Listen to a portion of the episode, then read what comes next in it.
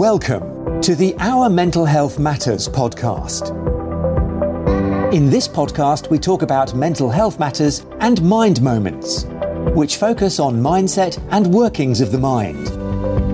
Introducing your host, Dr. Lade Abua, Specialist Registrar in Child and Adolescent Psychiatry, a medical doctor with a passion for mental health matters and children.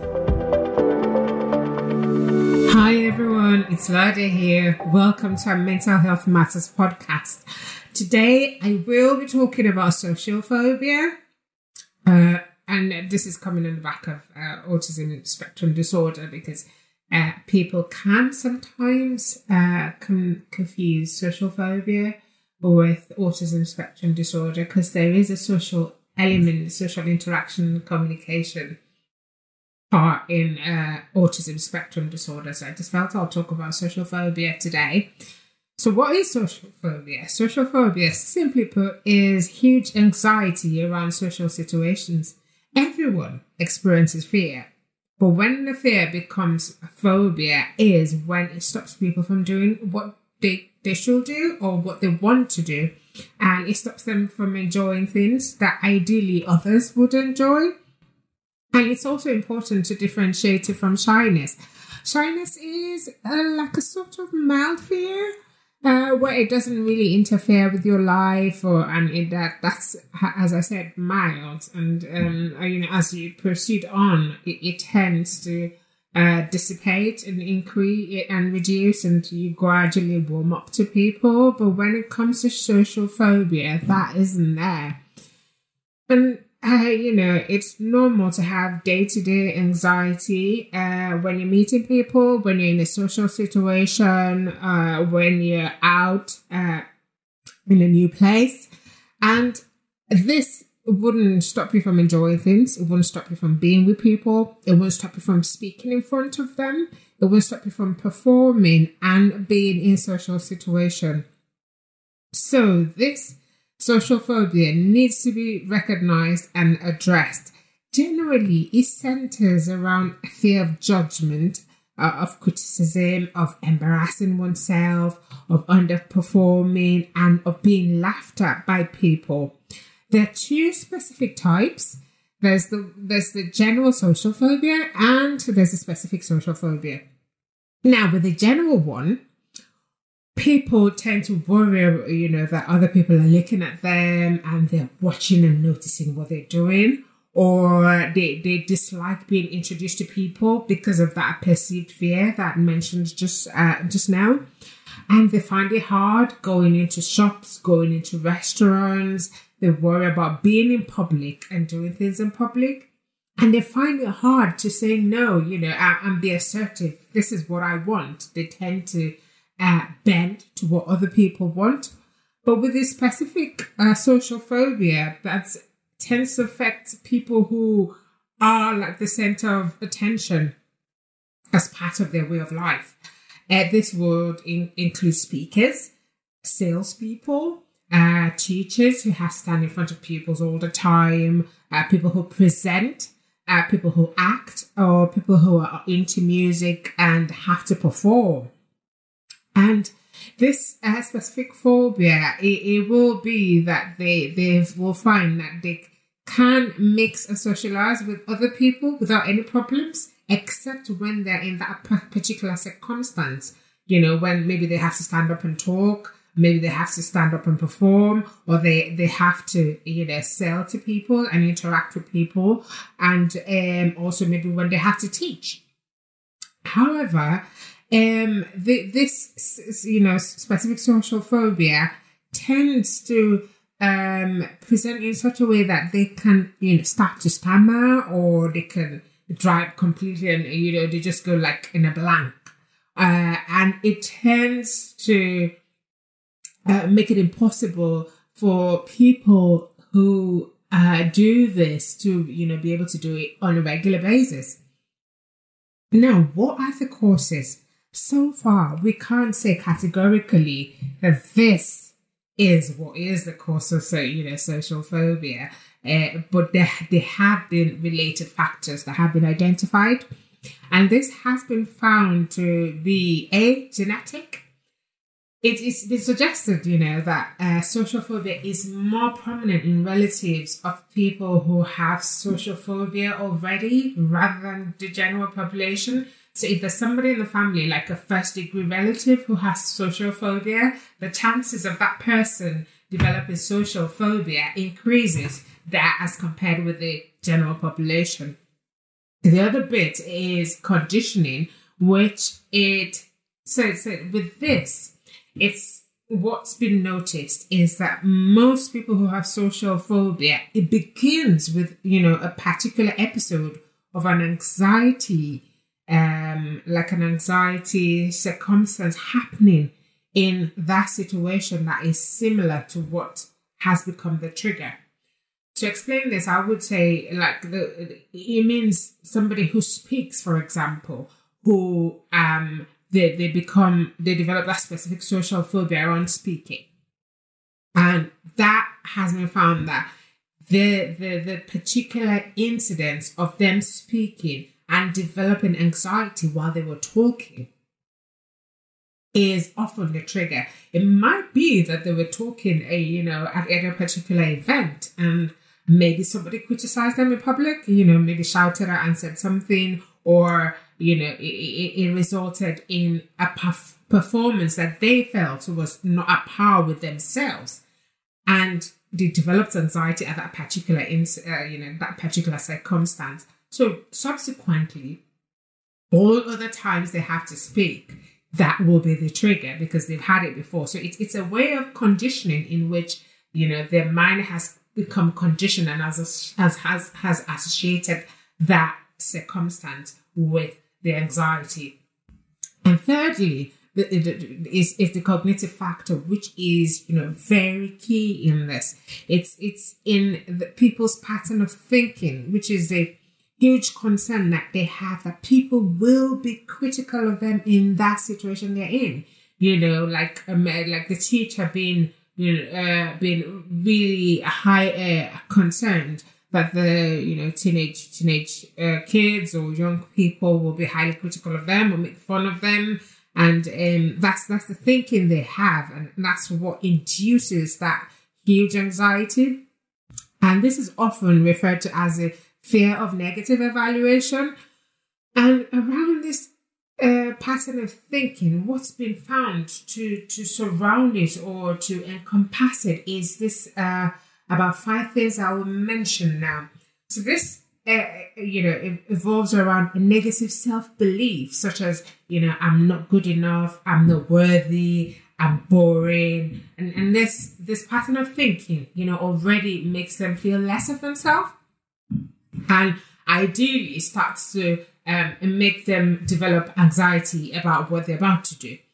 The other one is having excessively high standards and rules, you know, for for themselves, saying, you know, I always have to look in control. I always have to be perfect at, uh, you know, at it. And you know, when when they have that uh, high standard and, and that such huge expectation of themselves, you know, it, it's it's bound to to make them feel like they can't live up to that expectation.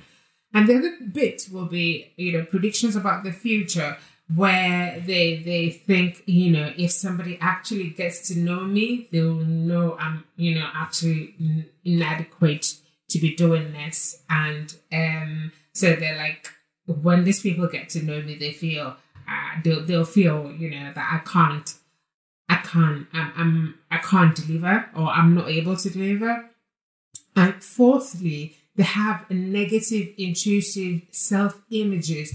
And it, this could be, you know, maybe somebody having bullied them in the past, where, you know, um, somebody might have said, you know, that they were fat or they were ugly. And that negative image, self image, keeps intruding in their mind and their thoughts. And, you know, it, it, it, it, it already puts them at a low par and at, a disadvantage in their minds due to that pattern of thinking, which is quite unhealthy.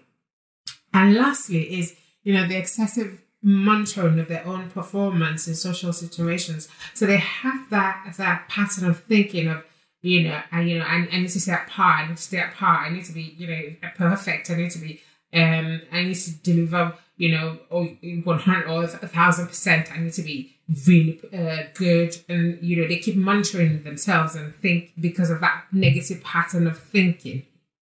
So that pattern of thinking is very, very huge when it comes to social phobia and um, it, it, it's one of the key things that will be centered around in the psychological treatment, which I'll talk about briefly uh, towards the end.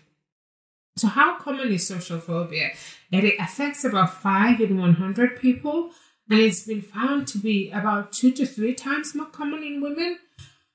Uh, but usually it begins in the teens, and um, uh, as as we would see uh, in in teenage adolescence is when we you know start to come to our own, we start to get to know ourselves, uh, we start to exert our independence, and then we have a lot of a lot of um, incidents that happen around the teenage years as well. But so then it usually begins in the teens. So what are the specific symptoms of social phobia? So this this uh, I've, I've you know I've made mention of them uh, you know earlier in the last couple of minutes when I've talked about it. But the key things to note and remember is there's this marked fear or avoidance of situations in which they feel they're exposed to unfamiliar people, where they meet new people, or um, or they, they where they'll be scrutinized or be the you know focus of attention so they have that marked fear of those situations and they tend to avoid them. And it's mostly due to the fear of uh, the fear that they have that they will uh, behave in a humiliating way or they will behave in an embarrassing way. So this, you know, puts them at that predisposition of wanting to avoid those situations and actively avoiding them. And they themselves, the other thing about the symptoms, they themselves recognize that that fear is dispro- disproportionate to the trigger or the situation. Like, um, you know, uh, deliberately avoiding people because you you have that they have this huge fear and anxiety that makes them tremble, that makes them flushed, blushed, you know, tr- um, trembling, having palpitations, um, be speechless when it's just meeting new people and or being in a social situation. So they recognize that this fear that I have is actually disproportionate to that trigger or that situation that induces the fear.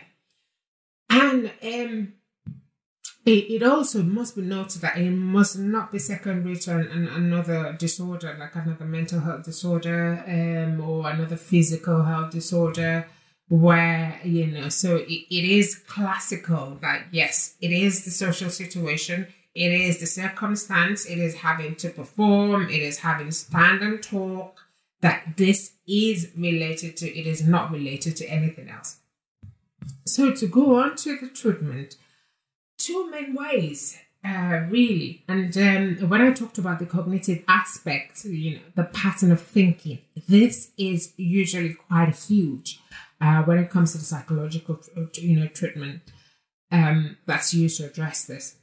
It is important to identify that pattern of thinking. I mentioned a few, so it's good to identify which of them is it that the individual has, um, and then try to work around it. And a key psychological uh, type of treatment that's used is cognitive behavioral therapy. So this and you know, this addresses the cognition, it addresses the pattern of thinking, it addresses the safety behaviors that people have already developed. Because some people, uh, because of that huge anxiety, do things, you know, to overcome the anxiety. They could take alcohol, they could take drugs. So it is important to identify what that pattern of thinking is and then the safety behavior and try to modulate that behavior um, and you know change the pattern of thinking as well. That is what the cognitive behavioral therapy does in terms of the social uh, phobia. And there's also others like the dynamic therapy that helps with social phobia that is associated with pre-existing problems in personal relationships. There's also relaxation training, you know, where um, people are thought, you know, they're taught relaxation techniques that they can use to help themselves relax, maybe before going on stage or before talking or before speaking, you know, speaking to people.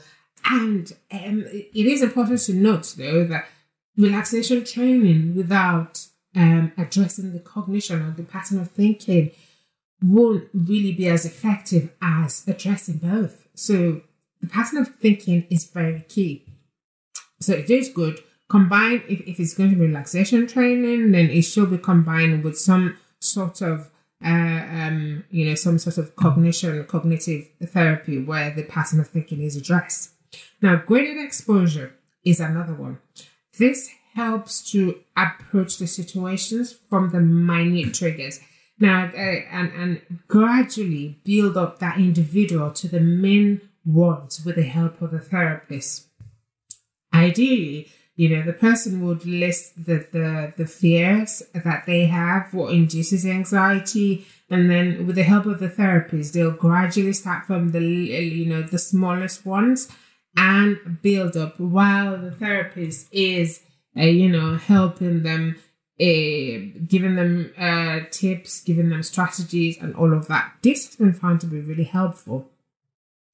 And something else that's done is social skills. So this one helps people develop learned social skills. You know, like people who find it difficult uh, meeting new people, they help them, uh, you know, you know, develop ways to start, you know, like a conversation or you know, keep a conversation going in a relaxed and a confident manner. And this this has been also has also been found to be helpful. And lastly is medication. Now medication is usually used uh, after the psychological one has been tried in most circumstances. And uh, the types of medications that are used are antidepressants. And um, this will be taken for several months uh, this antidepressants that we use are usually SSRIs uh, or monoamine oxidase inhibitors. But once uh, the medications are started, they have to be monitored and um, maintained and, you know, assessed regularly to see the effect and the progress. So thank you for listening. I've just done a brief uh, talk on social phobia because I felt this would be good uh, to talk about this on the back of autism spectrum disorder. I hope you found something useful there. Uh, thank you for listening.